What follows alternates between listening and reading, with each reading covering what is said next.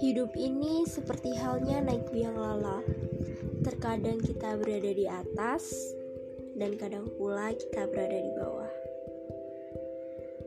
Kadang ada kebahagiaan, dan kadang ada kesedihan. Di podcast ini akan aku ceritakan sepenggal dari cerita biang lala.